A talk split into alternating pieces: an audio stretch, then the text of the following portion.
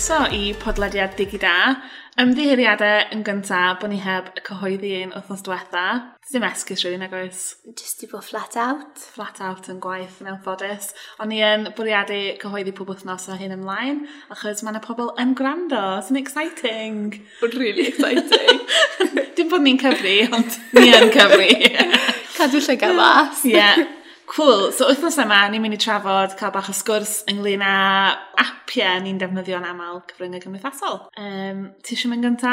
Ti efo rhestr. Sdim rhestr, dy fi. Ond fi credu un ni'n dwi'n cytuno arno yw Canva. Ie. Yeah. Joio Canva. Lifesaver. Ie, yeah, a mae gymaint o mrywiaeth go yn dos e. Oes, i pope. A mae meintiau gwahanol yn barod, so os ych chi'n mynd i fel post ar Facebook, Instagram, hyn oed ar gwefa Instagram Reel, TikTok, mae popeth go yn dos e. Yeah. Posteri, presentations. Yn union. Llwyth o pethau. Yeah. A hefyd, mae'n really, fel un o'n hoff nodweddio ni ar yr app de, yw y template. Achos ti'n mynd yeah. ar digau, e, ti'n just methu meddwl am syniad, ti'n cael rhywbeth a ti fel, ti'n be, allai actually, a just o hwn yn union ni rhywbeth yn gweithio. Ydy, ie. Yeah. So, i rhai sydd falle, ond dwi'n ama bydda pawb yn gwybod beth yw Canva erbyn hyn, ond mae fe'n app ti'n gallu cael am ddim, a ti basically yn creu delweddau ar gyfer y busnes. Um, so, literally, unrhyw beth ych chi isio, posteri, pethau'r cyfryngau cymdeithasol, cardio busnes, ac yn y blaen. Dyn ni wedi talu am y fersiwn pro, so ddim yn lot, mae fel 12 pint y mis, a ti'n gymaint o pethau hefo'r fersiwn pro. Ond mae'r un am ddim yn, yn iawn, ond am yr arian, mae'r pro yn gret. Pethau fel gallu newid maint un llun i rhywbeth arall. Un peth sy'n gret, mae'r ma lluniau mor wahanol o ran maint rhwng Facebook, trydar a Instagram. Ond os byddai ti hefyd eisiau newid rhywbeth i fel maint stori, so ti'n mynd o fel sgwar, fewn i portrait. So mae hwnna'n un peth huge fi'n rili really lyco ar gyfer y pro, ond hefyd y ffaith bod ti'n gallu cael gwared y background. So unrhyw cefnder ti efo'r hun, ti jyst yn gallu clicio ar yr effects, yeah. remove background, a dyna ti jyst ti dy hun ar y ffrant, neu bynnag yw'r sort of peth. Mae'n handi fyd gyda fel logos yn yn dyfa, os maen nhw yeah. gyda cefndir gwyn yeah. solid, a bod ti'n sygwredu rheini, mae'n yeah, gret. Ydy. Be arall mae'r un? O, mae'r un pro hefyd, mae'n jyst efo llwyth o lluniau fel stoc, mm. so stoc photography, a chi'n cael defnyddio nhw. A fi'n really hoff o'r ffaith bod yna llwyth o fideos Handi iawn. Stock videos handi iawn os ti ddim hefo cynnwys ar gyfer reels neu storiau. Ie, yeah, be arall eich ni weid am canfa, heblaw am y ffaith bod ni'n angerddol amdano fo. Huge fans. Huge fans. Ie, yeah, bydden ni yn annog os bod chi heb cael cyfle, defnyddiwch yr, yr un rhad ac am ddim a glasio chi'n yeah. ymlaen, really. Ie, yeah, chwarae yeah. gwmpas efo fo dwi'n newydd cofio peth arall am y pro dwi'n rili really licio. Gyfres. Y ffaith bod ti'n gallu creu fel yr brand. So ti'n gallu deud wrth y yeah. canfa, rei, logo fi yw hwn, ffont, fel y prif ffont yw hwn, ffont arall yw hwn, dyma'r lliwiau mae'r brand yn defnyddio, a mae hwnna fewn fel setting wedyn. Yeah. And mae hwnna'n really handy. A hefyd, adeiladu'r hwnna, ti'n meddwl fel mae pob un lliw gyda cod gwahanol. Ie. Yeah. A os ti'n chwilio am lluniau, ti'n gallu rhoi'r cod y lliw na mewn, so mae fe'n narw o lawr fan y search na gywe. Mae hwnna'n... So bydde yeah. delweddau yn unol gyda lliwiau'r brand, mae hwnnw'n gret. Ydy. Mae camera cameras yn gret yn yna. E? Da i ni pwy bynnag nath just creu canfa. bar. Yeah. Gobeithio bod nhw'n neud y gymariad. cool. So mae'n good un yn ti ar top y rhestr fan e. Rhestr. A wedyn... arall ti efo? Wel, mae pawb yn sydyn holi yn i'w hyd nag yn i. Fel, o, beth i chi ddefnyddio i fel schedule allan post? Ie. Yeah. A hyd yma, ni ddim rili really defnyddio unrhyw beth, ond beth mae'r gwahanol cyfryngau yn rhoi ni. So fel tweet deck, os bod yeah. unrhyw beth i rhyddhau o flan llawer trydar er mae'r mwyafrif o hwnna'n ar hap fel ni'n teddu i wneud yeah. e trwy gyda'r yeah. diwrnodau.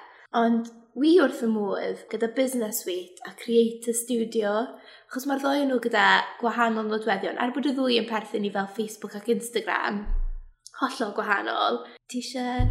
Wel, o'n i am just deud, cofio misoedd yn ôl amser nes ti cychwyn gweithio hefo ni, yn Camry Web, nôl y mis mehefin, o'n i'n really joio'r ffaith bod ti'n licio Business Suite a Creative Studio. Achos hyd yna, e, dim ond fi oedd yn neud y cyfryngau cymdeithasol yn y busnes, so gen i neb i cwyno pob tro rhywbeth yn mynd yn wrong. Ac o'n i just really joio'r ffaith bod ti just fel, ie, yeah, fi'n lyfio fo, fi just yn mynd defnyddio fo. Ac o'n i fel, no way! tro, os oedd unrhyw fel update, o'n i fel, oh my god, Ceri, maen nhw wedi symud e, oh. lle fi gallu ffind o fe nawr. Caid gofyn fi nawr, achos mae'r insights di symud eto. So, dwi yn cytuno, mae Create Studio Business Suite, mae'n am apio mae'n rhaid i chi cael os ydych chi'n defnyddio Facebook yeah. ar gyfer busnes a Instagram.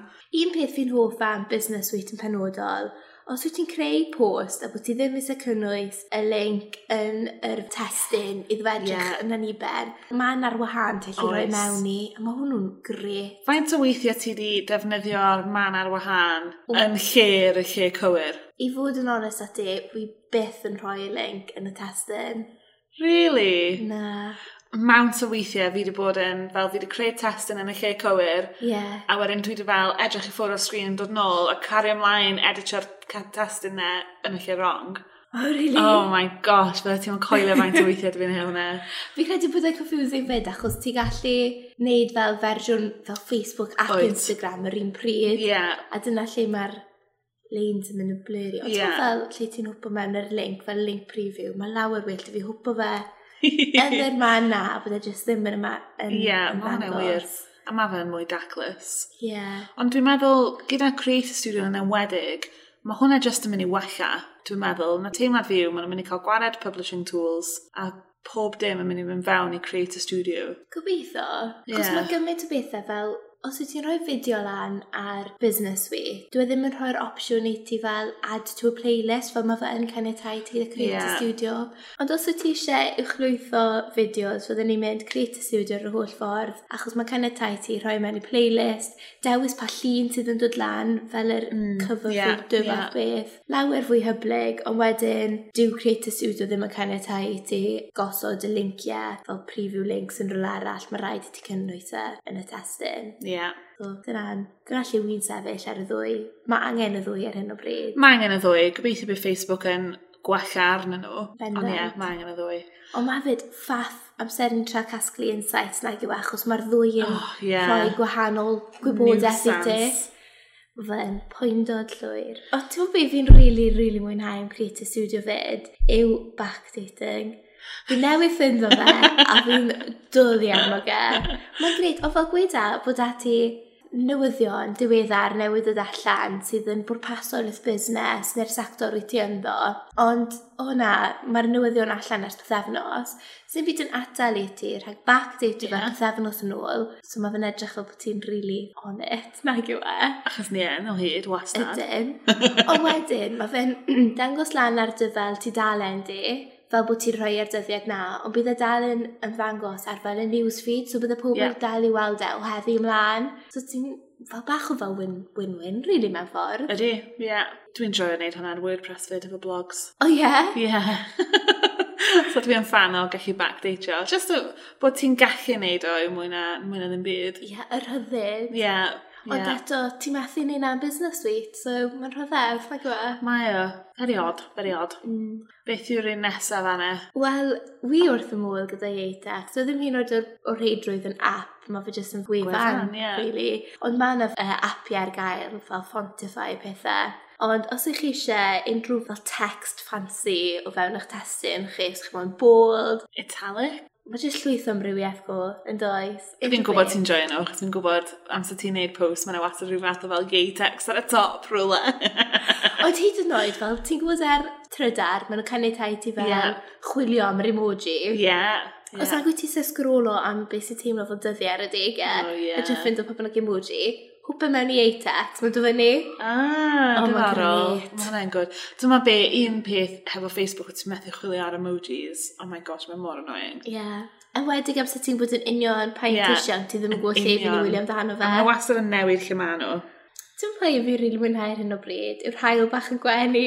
Oh, Tys bod ni eisiau gweld bach o hael, na pam? Ie, falle.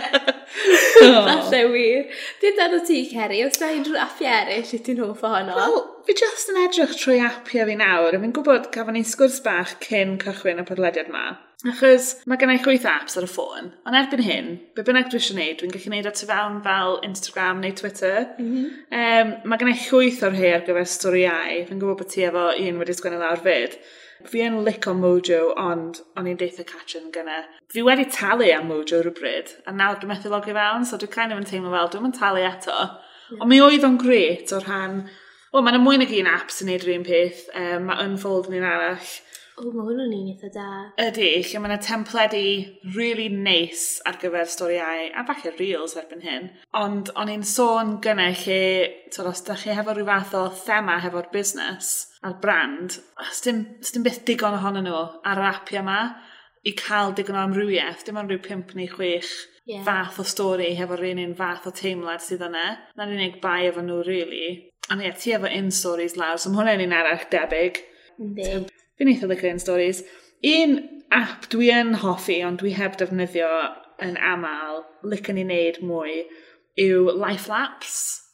Ti wedi clywed am hwnna? Na, gwr. Ti wedi clywed am fel stop motion videos. O, oh, ie. Yeah. So, lle mae rhywbeth fel yn just symud falle rhyw centimetr pob hyn a hyn. Ti'n defnyddio life laps i wneud hwnna.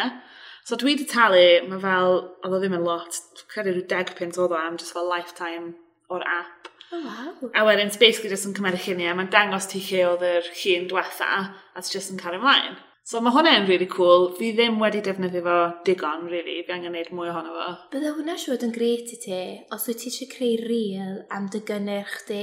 Ie. Yeah. Oedd na reel ffantastig yn rhywun o bia siop a nath nhw basically wneud fel rhyw stop motion video o nhw yn nôl nwydde o cefn y siop. Ie. Yeah. A be y stori til y real oedd fel dyma'r robot y siop, ond y dynes oedd o. Ie. Yeah. Oedd hi just fel yn symud rhyw canran pob yn un, fel breichio hi mynd fyny at y shelf, oedd o'n hilarious. Ond just enghraifft gwych o sut mae stop motion yn gallu bod yn video fab. Ie. Yeah. Um, Dwi'n gwybod pa app nath hi defnyddio cofio am, falle life laps oedd o. Falle. Ie. Yeah. Rhaid ni chwarae o gwmpas o fo. O, bendant i ti. Ti'n be gallwn ni wneud? Ti'n bod gyda'r planhigyn ma tu ôl y ti sydd weld yn tyfu'n dda? Enw planhigyn yw Stefano. Nw'n ni roi llun o Stefano fyny ar Instagram. Ond um, be os dyn ni'n neud falle mis mawrth, llun y diwrnod, Rwy'n un position. O oh, ie. Yeah. A wedyn bydde o'n creu life laps ar y diwedd yn bydde. Bydde o'n dangos sut mae'r dail yn newid pob diwrnod. Waw, bydde hwnna'n really cool. Na'n i'n hwnna mis mawrth da, fel little challenge y swydda bach. Defnyddio Life Laps app. O bydde fe'n handi wedyn i gweld sut all- allwn ni ddefnyddio fe. Yn union, ie. Ond i fel i gloi yn gyflym, mm. achos mae'n gwybod amser yn mynd yn ei flaen, yr app diwetha o'n i am sôn am yw InShot. O oh, ie, yeah. ti yn fan o hwnna. Ydw, mae'n gret, enwedig achos, mae fe'n ddim, ti'n yn gallu gwiredu'r watermark am ddim. Dydy eto newid meintiau yr fideo i fod yn fel maint fel ti'n addas i YouTube neu i Reels neu fel Facebook neu yn sgwar. Mae jyst yn gre. Yeah. A enwedig yn ffefru ni fel, ydych chi llwyth o lluniau chi am creu mewn i fideo a bod nhw gyd yn doi eiliad o hyd. Mae'n amodd i ti yn hytrach na byd fel bob un llun doi eiliad. Yeah. Nid cwbl un pryd addasu'r order wy yn fan. Ti yn fan, ond ti'n be, mae lot o bobl yn defnyddio InShot. Maen nhw'n awgrymu hwnna ar gyfer creu reels a pethau fel yna. Dwi just heb cychwyn yn efo. Rai fi lawr lwyth efo chwarae gwmpas. O fi yn joio fe. Yeah. Cool, good. so, just i crynhoi, be oedden ni hefo? Canva, Mojo, InStories, Yeatex, Creative Studio, Business Suite, InShot a Lifelapse. Yeah. Ond rhai o'r apiau, a mae'n llwyth ohono does, so Oes. rhai o'r apiau dyn ni'n hoff iawn ohono fel cyfryngau cymdeithasol. Fi credu mae lot o fe fel, er arbrofiwch gyda popeth, mae rhai yeah. pethau fyddwch chi wrth eich bod gyda, a rhai pethau eich fel, ti'n be, dyw hwn ddim i fi. Na, yn union. Ie. Yeah. Da iawn, gwych. Wel, diolch yn rando. Ie, yeah, diolch yn fawr am chi. gwrando. um, os oeddech chi yn gwrando, cofio edrych ar um, diwedd mis mawrth am y Shallon's Life Wraps ni. Yeah. Efo'r planhigyn yma yn y swyddfa. Mae siw Stefan yn mynd. Ie. Yeah. Na ni weld chi wrthos nesaf. Ta-ra! Ta-ra i chi! Da chi wedi bod yn gwrando ar bodlediad digida yn dod i chi gan Gwe Camryn Web. Mae Gwe Camryn Web yn asiantaeth marchnata digidol sy'n arbennig mewn gwefannau a marchnata digidol yn dwyieithog. Os ys angen gennych chi gael presenoldeb ar-lein yn Gymraeg, cysylltwch heddiw drwy fynd i'n gwefan cambrianweb.com. Diolch eto am rando. Bydd penod arall i gyda yn dod wythnos nesaf.